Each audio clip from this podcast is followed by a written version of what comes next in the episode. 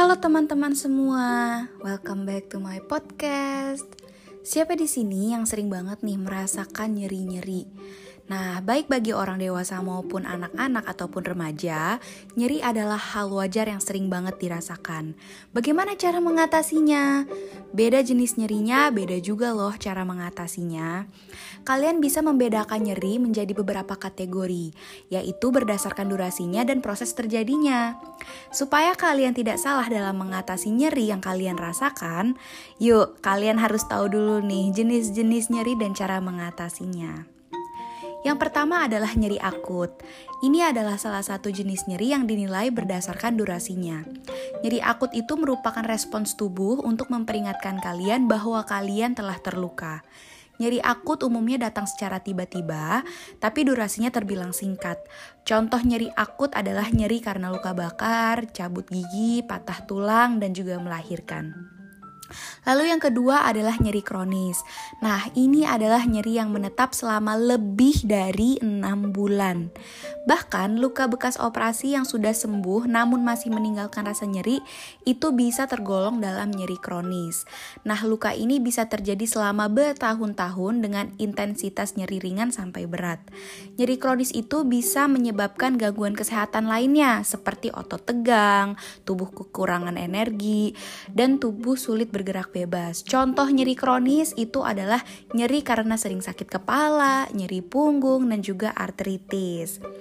Lalu yang selanjutnya yang ketiga adalah nyeri nosiseptif. Mungkin ini adalah jenis nyeri yang paling umum terjadi ya.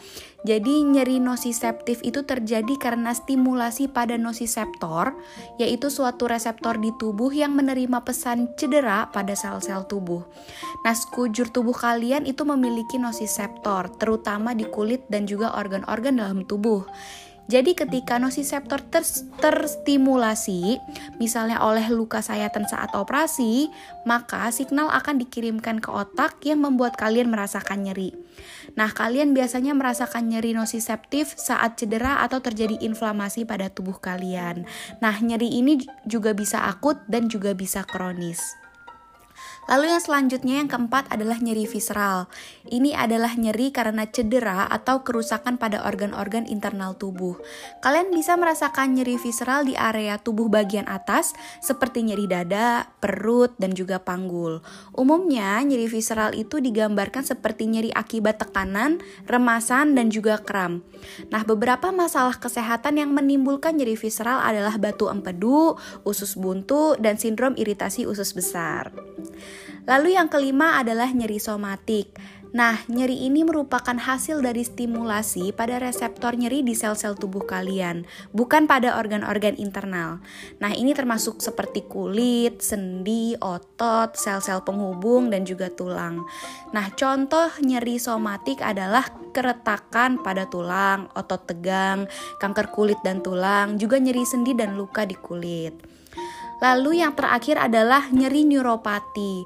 Kalian mungkin merasakan ini ketika terjadi kerusakan atau disfungsi pada sistem saraf kalian.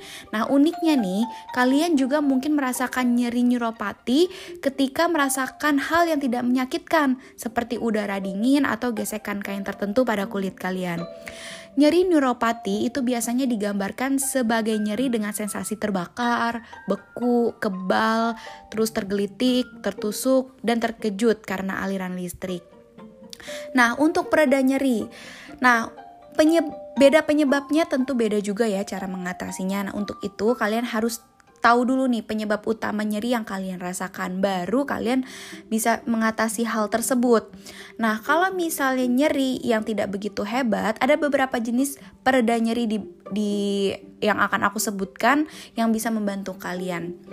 Nah, pereda nyeri yang pertama adalah Pyridoxine. Nah, ini adalah vitamin B6 yang banyak ditemukan pada kacang-kacangan, sayuran, dan juga telur. Tapi ada beberapa dokter juga yang bisa memberikan resep suplemen vitamin B6. Lalu yang selanjutnya adalah vitamin B12. Nah, kekurangan jenis vitamin ini bisa memperburuk nyeri yang dialami.